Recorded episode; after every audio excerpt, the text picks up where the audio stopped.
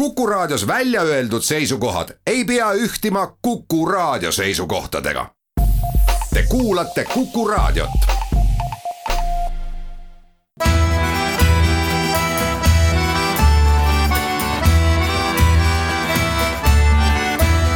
Kirillitsas Eesti tere päevast, head raadiokuulajad, eetris on Kirillitsas Eesti. saatejuhiks Pavel Ivanov ja hea meel tervitada stuudios sellisel suhteliselt ilusal, aga siiski meeldival kevadpäeval. Olga Ivanovat. tere päevast. ja Natalja Kiitemit. tere. meil on teemasid äh, suhteliselt vähe, aga äh, joostes ette ütleme, et me kontsentreerume integratsiooni monitooringu äh, uuringu tulemustel mida esitleti sellel nädalal ja mis venekeelses meedias äh, oli suht äh, tähelepanu keskel ja need küsimused, mida meedia või siis läbi meedia esitati, olid väga aktuaalsed ja teravad ja tegelikult ka huvitavad, puht äh, vähemalt meile, inimestele, kes elavad meediamaailmas. aga alustame ühest asjast, millest me siin enne äh, saate algust omavahel aval-, jagasime mõtteid ja me ei saanud sellest aru. nimelt jutt käib sellest, et miks siis äh, äh, keelati vormis teenijatel, sõjaväeteenijad te,, te, teenijatel äh, üheksandal mail naasta oma väeossa, mis asub äh, sõjaväekalmistu kõrval.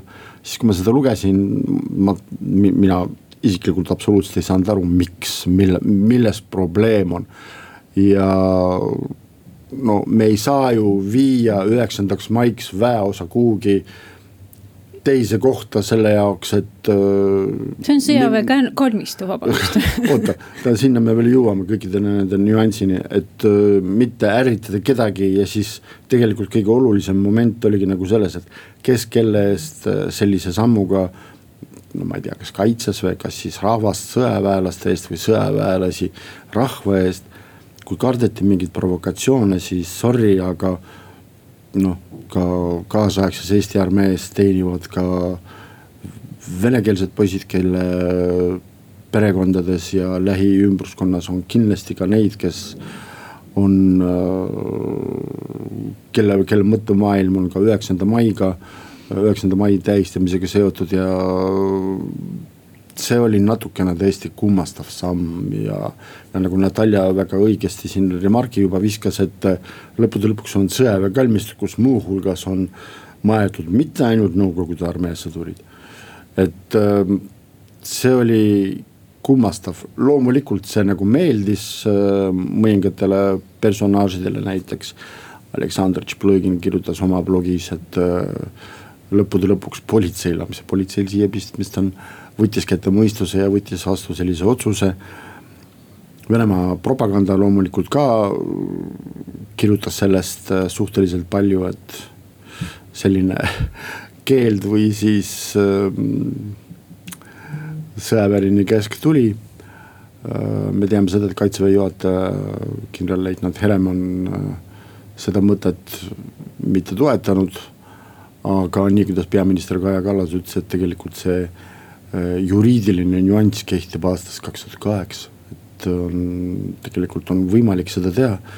ja toodi veel välja nagu, no ma ei tea, kas siis kaitseks või mitte aga sellise sammu õigustamiseks, et näiteks, et Suurbritannias äh, ka nagu soovitatakse üldse nagu sõjaväelastel väeosa territooriumist sõjaväevormis mitte välja minna. aga, aga, aga see, et selline käsk anti üheksandal mail sõjaväekalmistu kõrval ajalooliselt asuvas, asuva sõjaväebaasi või sõjaväeosa teenistujatele, see oli kummaline. no vaata, kuna me ei tea detaile, siis kõik, kui me ei tea, kuidas ja mis oli tehtud, miks see otsus oli tehtud, siis kõik meie mõtted on noh, vabandust, tühised praegu miks nad niimoodi tegid, kas oli käsk, soovitus, kas kogu aeg käivad nad äh, ikka tsiviilriietes tegelikult tagasi kodust äh, äh, see ossa, kas kas ei olnud üldse kokkusaamatus, et mida vähem selle ümber võiks nagu spekulatsioon, spekulatsioone tulla, seda parem minu arust.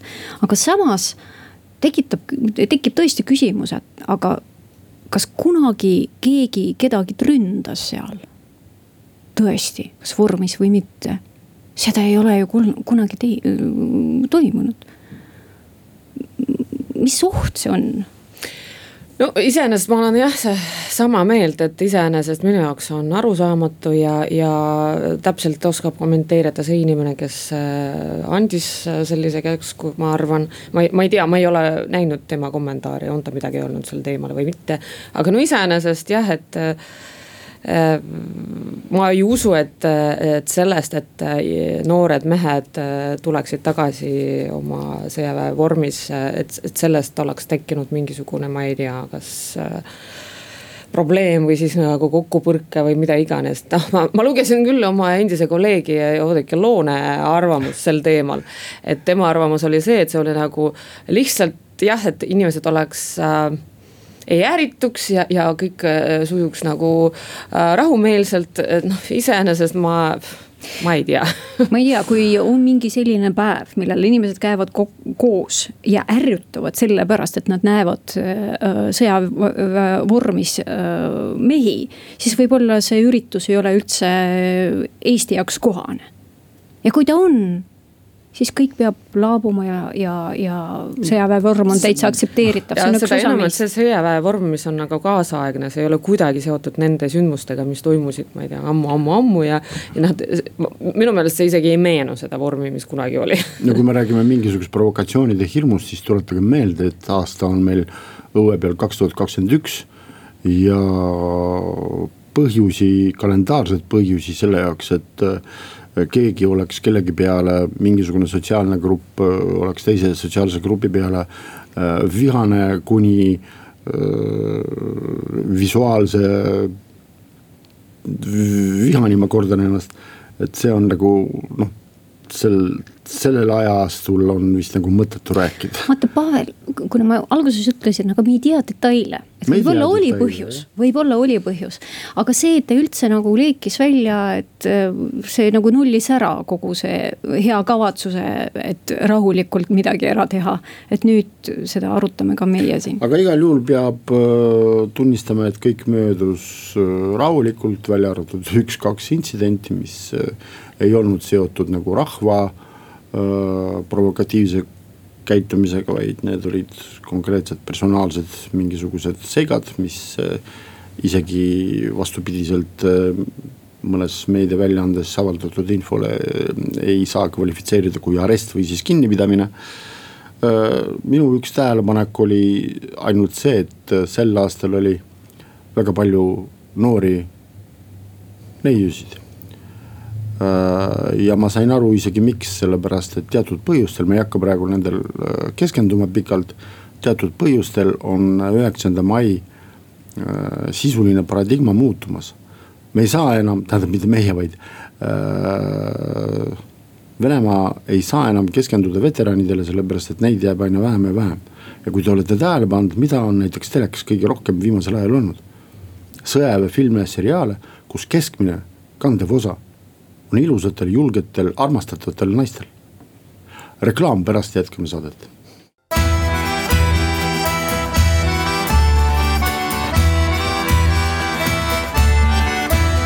Kirillitsas Eesti. me jätkame saadet ja nii, kuidas saate alguses sai öeldud, et keskendume nüüd Eesti integratsiooni monitooringu kaks tuhat kakskümmend tulemustele nimelt siis kümnendal mail kultuuriministeerium tutvustas Eesti integratsiooni monitooringu kakskümmend kakskümmend tulemusi. ja nii, kuidas kultuuriminister Anneli Ott ütles, et äh, selle monitooringu põhjal väidetavalt saame öelda, et Eesti ühiskonna lõimumine on olnud järjepidev ja positiivse trendiga protsess. küll aga on endiselt murekohti, mida peab lahendama, näiteks kuidas luua ja toetada ühist ruumi kus eri rahvustest inimestel oleks rohkem omavahelisi kontakte ja suurem side Eestiga. Äh, kui rääkida mingisugustest numbritest, siis äh, äh, enamus vaatlejaid, kommentaatoreid ja ka näiteks eilses ETV Plussi vestlussaates Kes keda, mis oli sellele teemale pühendatud. pälvis numbrite jada, mis näitas, et võrreldes tei-, eelmise monitooringuga, tulemustega kui varem oli kakskümmend üks protsenti neid, kes äh, mitte-eestlastest arvas, et nemad on teise sordi inimesed, siis sel aastal me saime teada, et eelmise aasta tulemuste põhjal on nende inimeste hulk lausa kolmkümmend kaheksa protsenti. tulles tagasi kultuuriminister Anneli Oti sõnade juurde, Eesti ühiskonna lõimumine on olnud järjepidev ja positiivse trendiga protsess no midagi ta peab, pidi ikka ütlema, eks ju, ja, ja midagi siis kirjutati ka. kas viga on numbrites, kas viga on metoodikas või siis me oleme üldse nendest asjadest väga kaugel ja tegelikult kõik on nagu korras, ärgem võtkem nendest numbritest äh, kinni no vaata, see monitooring on nagu evangelium, igaüks võtab ja, ja loeb sealt äh, oma kiriku jaoks õiget sõnu. kirikuid on muuseas palju jaa, absoluutselt, on ka erinevaid jah, üksteisele vastu rääkivaid ja kui üks ja sama number võib-olla tõesti tekitab palju küsimusi. noh, praegu, mis puudutab äh, vene kooli, siis üks osa loeb täpselt seda, et kuuskümmend kuus protsenti vene peredest, noh, vanemad tahavad, et nende lapsed läheb, läheks kohe eestikeelsele õppele kohe lasteaiast. Ja ongi kogu lugu, eks ju, väga hea ja siin pidurdatakse igatpidi. teine teeb lahti ja vaatab, et aa, aga tegelikult kolmkümmend seitse protsenti tahab, see tähendab, et jaa, las ta läheb lasteaeda, aga läheb pärast vene kooli või kümblusklassi, kõik on ainult ühes äh,. Äh, nagu Jeesus Kristuse äh, teemal evangeeliumi nõus, et, et eesti keele oskus peab paranema, aga kuidas sealt tulevad erinevad numbrid ja, ja igaüks võtab äh, see, mis kinnitab äh, kas nende veendumust või siis annab äh, parem, paremaid väljavaateid enne valimisi. üks tark inimene ütles mulle niimoodi, et see protsent on kasvanud, ehk siis kakskümmend üks protsenti eelmine kord ja kolmkümmend kaheksa protsenti seekord inimesi. mitte-eestlastest, kes arvavad, et nad on teise sordi inimesed, on äh, sisuliselt suht rahuliku perioodi jooksul, kui ei ole olnud äh, eestlaste ja mitte-eestlaste vahel mitte mingisuguseid nagu näilisi konflikte äh,. on väidetavalt siis tekitatud äh, sellesama koroonaviirusega mille tõttu väidetavalt toimuski nagu suurem see eristus no kui ma vastan sinu eelmisele küsimusele, et milles on äh, probleem, kas numbrites või, või, või siis tõlgendamises. mina võib-olla küsiks vastu, et kas ministris ei ole, et, et äh, kas ta on pädev selles nagu küsimuses ja valdkonnas. ei, aga oota, aga see metoodika, numbrite metoodika ei puutunud äh, kultuuriministrisse. ei, me rääkisime tema just lausest, et kuidas Aa, tema okay. nagu seda mm -hmm. kommenteeris aga jah, iseenesest ma ei oleks nagu päriselt nõus, et ei olnud konflikte, et kui me äh, mäletame, siis ikka eelmine aasta oli veel äh, EKRE ja Keskerakonna valitsus. Ja nagu me teame, EKRE poliitikute sõnavõtud ja teatud äh, käitumine on ikkagi tekitanud ka venekeelsetes äh, inimestes vastasseisu ja ma ütleks, võib-olla isegi näeks mitte poliitilist äh, poolt, vaid äh, mõtleks selle peale, et koroonakriisiga tõepoolest on kannatanu saanud äh, just ka noh, nii nagu eestlased, nagu ka venelased aga võib-olla vene, venekeelsed inimesed on isegi rohkem äh, tunda saanud sellest, et nad on kaotanud töö. Nende sissetulekud on vähenenud. ja, ja, ja, ja see... sellest nad tulevad järeldusele, et nad on teist sorti ju. Äh, no et nende elukvaliteet võib-olla on nagu langenud, ma ei ole nagu täpselt kursis, mis see sõnastus oli, kuidas see küsitlus üldse nagu oli korraldatud. kas see oli lihtsalt nagu ähm, tunnete pealt või see oli nagu noh, kui inimene tunnebki ennast äh, ebakindlana, vähekindlustatud teatud noh, materiaalses äh, mõttes, et. Äh, vaata, siin ei ole nagu mitte nii, nii, et mul läks halvemaks, aga samal ajal eestlasest naabril ei läinud nii palju halvemaks, see on see küsimus. sest tema on. IT-valdkonnas näiteks edukas olnud, mina olnud ehituses. no ma ei saa sellega nõustuda, sellepärast et tegelikult kasvõi võtta restoranide, söögikohtade sektorit ikkagi seal ruulivad vabandust sihukese väljendi eest, juhtidena ja omanikena ikkagi eestlased. aga teenindajatena? Kes on ilma töö. kõik, mis on kontakt nii-öelda äh, teenus, eks ju, ehk siis müüjad äh,. äh ettekandjad. ja, ja äh, see, need on venekeelsed, aga ma tahaks öelda seda, et aastal kaks tuhat üheksa meil oli mm, teine masu enne seda, ehk siis ma mõtlen just majanduslikult äh, raske aeg, töötus kasvas ja ka peale seda tulid uuringud, mis näitasid väga selgelt et siis, kui on kriis, siis äh, vähemus, rahvusvähemus saab esimese, esimesena kinga. ja, ja siis, kui tagasi tööle saada, nende väljavaated on halvemad ma arvan, et nad ei saa seda rahvuse pärast, vaid nad saavad seda sellepärast, et nad on sellistel positsioonidel, kuna öö, äh, on olemas pro-, no nende jaoks tööle vormistamise probleemid, mis ei võimalda neid äh, töötada mitte kinga saadaval positsioonil. aga kuulame ära uudised ja siis oleme eetris taas.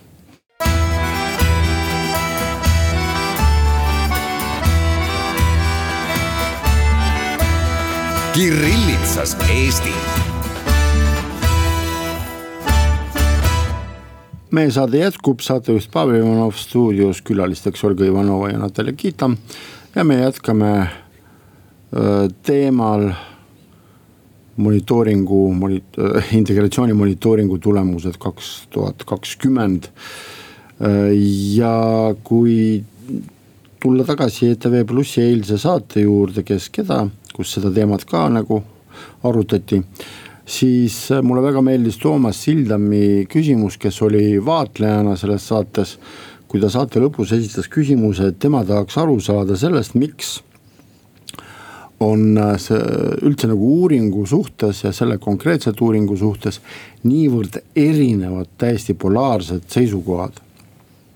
tuletan meelde, et saates oma mõtteid avaldasid täiesti võib öelda kaks tiimi, üks tiim oli siis, äh, nimetame neid integratsiooni pooldajad, Irene Käosaar ja kultuuriministeeriumi nõunik Olga Sõitnik.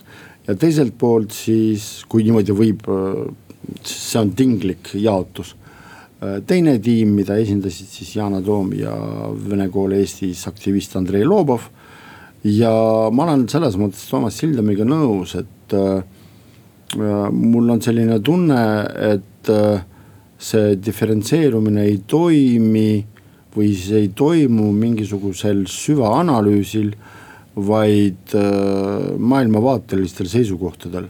et ühed arvavad millegipärast ka minu jaoks on see arusaamatu, et kesk, keskne probleem või siis keskne küsimus integratsioonis meil Eestis on keel ja kool.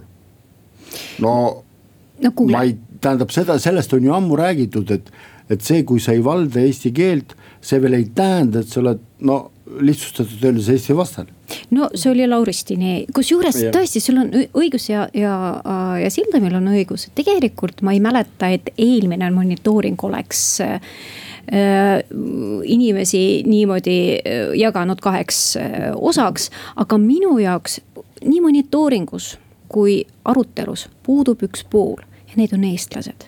kui küsitakse, kas te tahate vene vanematelt, venekeelsetelt vanematelt, kas te tahate, et teie laps läheks eesti kooli siis ma küsin, kus, kus ja kas küsiti eestlastelt, kas nemad tahavad seda? kas nad on selleks valmis?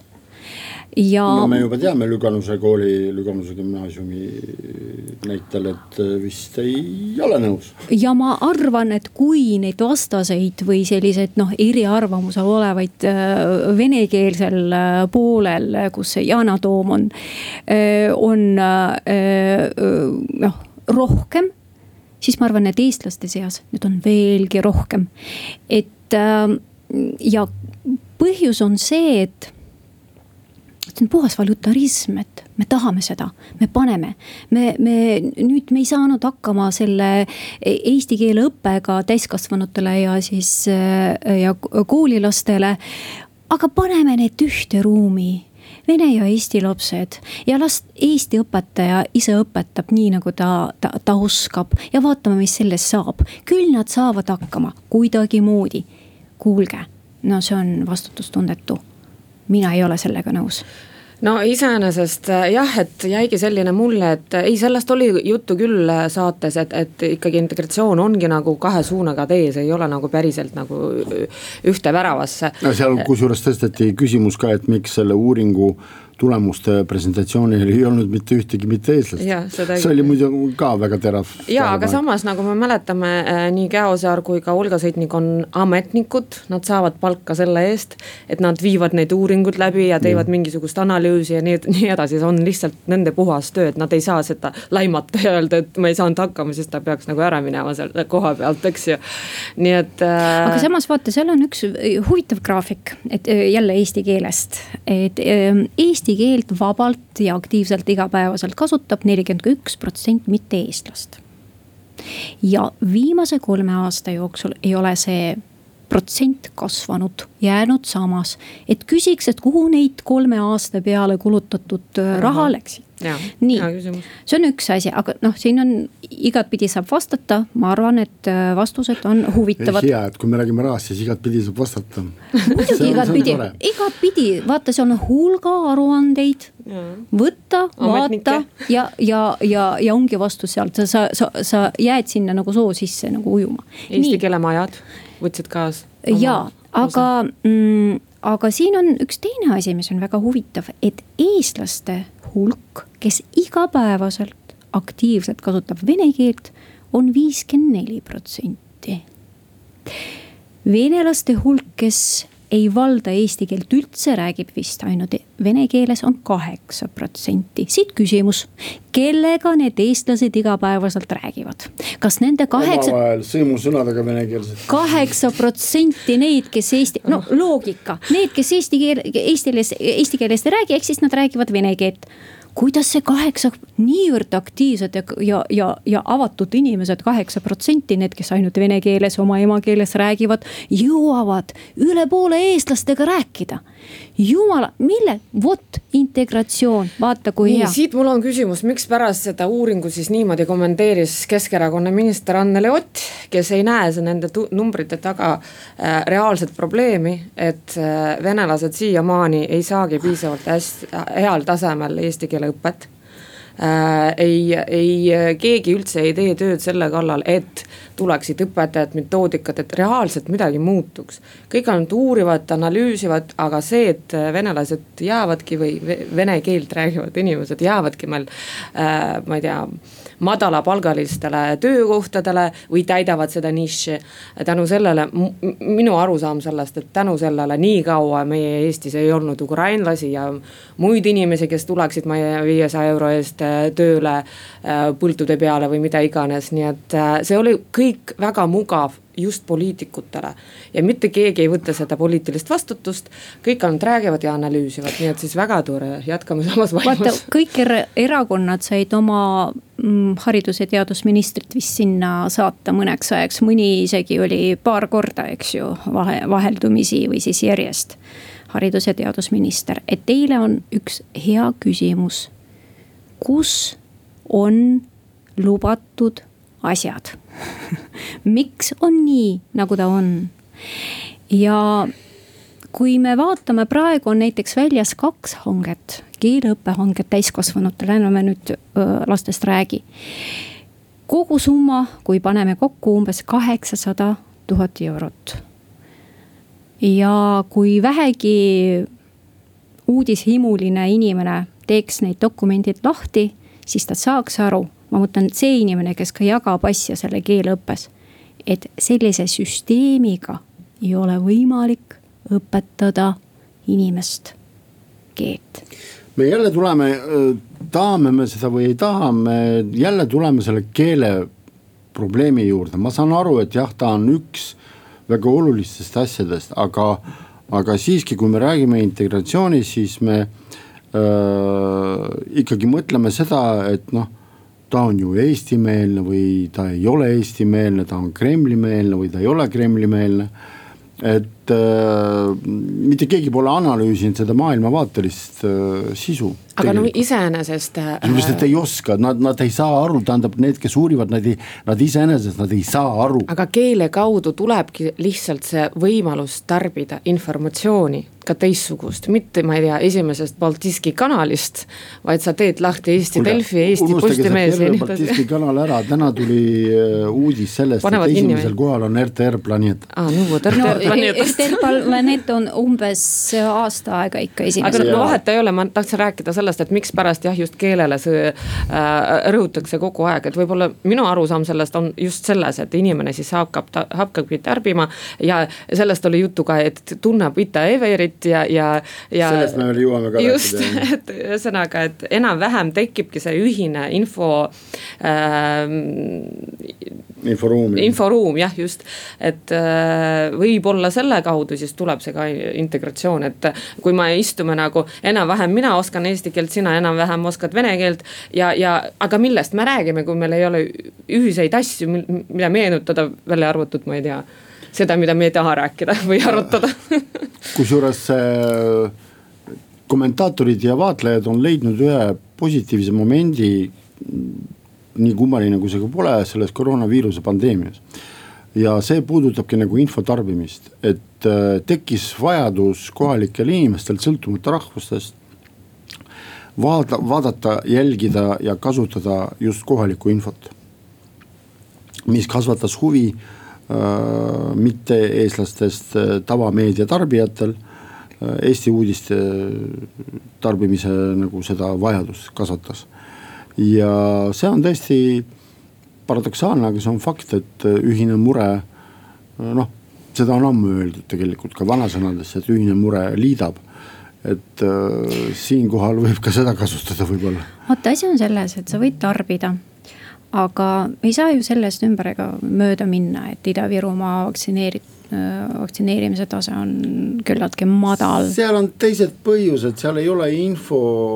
seda ma ütlengi, ma ütlengi, et üks asi on tarbida, teine on uskuda ja kolmas ka äh, usaldada niiviisi, et sa usaldad ka oma keha ja oma tervist, eks ju et ähm, ja see ei ole võimalik luua ka korraga.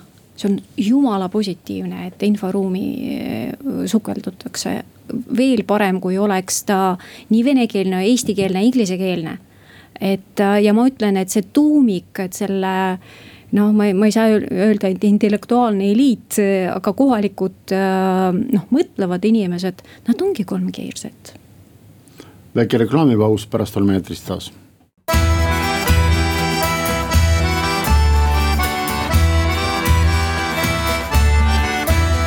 Kirillitsas Eesti. jätkame saadet, sel nädalal oli veel üks huvitav telediskussioon, mis oli ajendatud Kaire Uusani arvamusest, mille sisu võib kokku võtta järgmiselt, et miks venelased ei tea Eesti kultuurist või miks venekeelne meedia siin Eestis ei kirjuta Eesti kultuurist sama palju nagu seda teeb ka eestikeelne meedia ja väga tänuväärne töö oli läbi viidud ETV Plussi Narva korrespondentidega, Narva toimetajatega, Juri Nikolajevi ja Mihhail Komaško poolt, kes siis viisid läbi sellise stuudiodiskussiooni just nagu sel teemal, mis siis nagu toimub. ja rääkides Mihhailiga, Mihhail Komaškoga, äh, ta ütles, et kõige tähtsam järeldus, mis ta tegi, on see, et Kaire Uusen nagu pingutas üle natukene oma arvamuses. sellepärast, et see, et, et kõik äh, algab ja taandub äh, väga lihtsal äh, Äh, pinnasel, et kui sa näiteks oled teatraal, sõltumata rahvusest, siis sa kindlasti tead sedasama Ita Everit, sellepärast et saate nimetus oli äh,. Miks venelased ei tunne Ita Everit äh,. sõltumata rahvuselt, eriti nagu venekeelne inimene, kes on nõukogude kinematograafiaga tuttav kindlasti tal tuleb meelde, et Ita Ever mängis Miss Marplit nõukogude kinema fotograafia linastustes. Äh, inimene, kes on äh, kunstilembeline, ta kindlasti teab kohalikke Eesti kunstnikke ja nii edasi, nii edasi, ehk siis, kui sa oled mingisuguses teemas, siis sa kindlasti ka tunned. ja Mihhail Komaskov tõi välja hoopis teise asja. ta ütles, et, et ei ole vaja nagu mm, keskenduda sellisele kohalikule asjale, vaid äh, pisut mõelda globaalsemalt. no vaata minu meelest see lähenemine, et parim ajakirjandus ongi tõlgitud äh, Eesti, kusjuures neid on palju Neid on küllaltki palju, kes ütlevad, kuulge, pange see ETV Pluss kinni. võtke lihtsalt ETV, pange, pange tõl-, tõlget alla, ongi parim, parim variant. või võtame, noh, milleks, milleks üldse oma eh, oma ajakirjanikud, ehk siis venekeelsed ajakirjanikud, et paneme lihtsalt tõlkima. see on ka proovitud nii ja naa. on, on, me sinuga teame seda väga hästi. aga see ei tööta, ehk siis, kui me räägime informeerimisest ja muust ja jällegi äh, see, mida mis on huvitav venekeelsele inimesele. ja meie arvates ka peaks huvitav olema ka eestlastele, näiteks integratsiooni monitooring. kus me sellest loeme, kus me seda, kus seda arutatakse see on jällegi venelaste värk, eks ju. võiks olla küll ka suud ja puhtaks näiteks oleks huvitatud selles, aga see selleks. ja mina arvan, et siis, kui arvatakse, et ideaalne olukord, siht oleks, kui kõik meedia kirjutab samast asjast kõikides keeltes. siis ma arvan, et me, me saame, me, me jääme vaesemaks. üks oluline probleem, mis selles saates välja tuli ja mis vastab ka tõele, on see, et tegelikult kultuuriajakirjandust vene keeles on Eestis vähe praktiliselt ei olegi. no nii on no,. plukk jäi. Copy paste ja Google Translate, nii et äh, tundubki nii, et lihtsalt äh, enamus ajakirjanikke istubki, ma ei tea. Äh, ma ei tea, venekeelses Postimehes ja venekeelses Delfis, et lihtsalt tõlgivad neid artikleid, mis nagu. see tendents on olemas, aga vaadake, kui me tuleme tagasi sellest, millest Olga rääkis, aga kui. miks me arvame, et venelane ei loe Eesti meediat? küll ta loeb juba tulles tagasi, seitse aastat tagasi oli see number jällegi monitooring ütles kakskümmend protsenti, kakskümmend protsenti äh, auditooriumist. Eesti meedia auditooriumist on venekeelne inimene või muukeelne inimene miks me arvame, et nüüd peab iga asja tõlkima, kui ta saab seda eesti keeles ilusasti sealt lugeda? ma vastan sulle sellele küsimusele oma arvamusega, mis kindlasti ei pruugi olla sajaprotsendiline tõde aga see, mida ma juba saate alguses, siis kui me rääkisime integratsiooni monitooringust ka ütlesin, et meil, meil küll äh, viiakse läbi äh, igasuguseid uuringuid, aga meil ei analüüsita seda sisu, maailmavaatelist sisu. ma veel kord ütlen, et see, et kui sulle ei tule meelde või kui sa ei tea Eesti Draamateatri kava ja läbi kümnendite sa ei, sul ei ole meeles näiteks sellesama Ita Everi äh, kõik rollid, noh, see ei tähenda, et sa oled. Kremli-meelne. ja ma just tahtsin öelda, sa võtsid sõnad suust välja, et sa oled Kremli nee. mõju all ja sa vaatad ainult äh,. samas arta, arvatavasti see Kremli-meelne kui me tuleme taga, vastupidi, arvatavasti on suur risk. ärme, ärme unusta, et ikkagi äh, emakeelena, emakeelega, vene keelega, et äh, inimene, et noh, ma räägingi, et tal on nii suur ja lai valik, mida on tema emakeeles, ma ei tea, kas siis kirjutatud või siis linastatud või no et. et tõepoolest, kui, kui sul on valida, siis sa valid midagi see, mis sulle nagu huvi pakub. vastake küsimusele, miks eestlastele meeldib ingliskeelne stand-up komöödia ei tea sest ei ole eestikeelsed või? on, on, on ah, suhteliselt no. palju ja suhteliselt head. võiks tutvustada venekeelset stand-up'i no seda ka tehakse, aga väga-väga niimoodi, jah. et äh, siit noh, minu poolt, et õppige keeli, las räägivad ja, ja loevad kõiki allikaid, siis ei pea neid kopeerima või tõlkima, siis saad ja loed seda, mis sulle huvitav on. ja siis see erinev sisu ei ole mingi probleem, aga on eesmärk ja mõte, erinev sisu nii et äh, mis ma saan öelda, et väga hea, et me vähemalt muudkui jälle räägime nendest asjadest, aga mu, e, kuidas minu taust ütleb mulle, et. et niikaua, kui reaalsed inimesed, kes teevad poliitikat ei otsusta ära, et mis siis edasised sammud, et ühiskond oleks lõimunud ja, ja, ja tolerantsus meil kasvaks ma arvan, ma kardan, et ei muutu ka midagi, nii et. ma arvan, et üks integratsiooni selline üks tõehetkedest saabub ka kahekümne teisel mail siis kui Rotterdamis toimub Eurovisiooni finaal. Äh, võib-olla ka juba varem poolfinaali jooksul, siis teise poolfinaali jooksul, siis kui esineb Eestit esindav laulja Uku Suviste. Äh, kes on populaarne ka Venemaal, seetõttu ta võib olla ka populaarne ka ja kindlasti on ka kohalike venelaste no,. Äh, kahjuks... see on jälle see küsimus, et kui inimene on Eurovisiooni teemas, siis tema kindlasti Äh, moraalselt ja hingeliselt võtab sellest osa. aga meie tänane saade on lõppenud, tuletan meelde, et stuudios olid Natalja Kitam, Olga Ivanova, saatejuht oli Pavel Ivanov, aitäh kuulamast ja kohtume nädala pärast taas.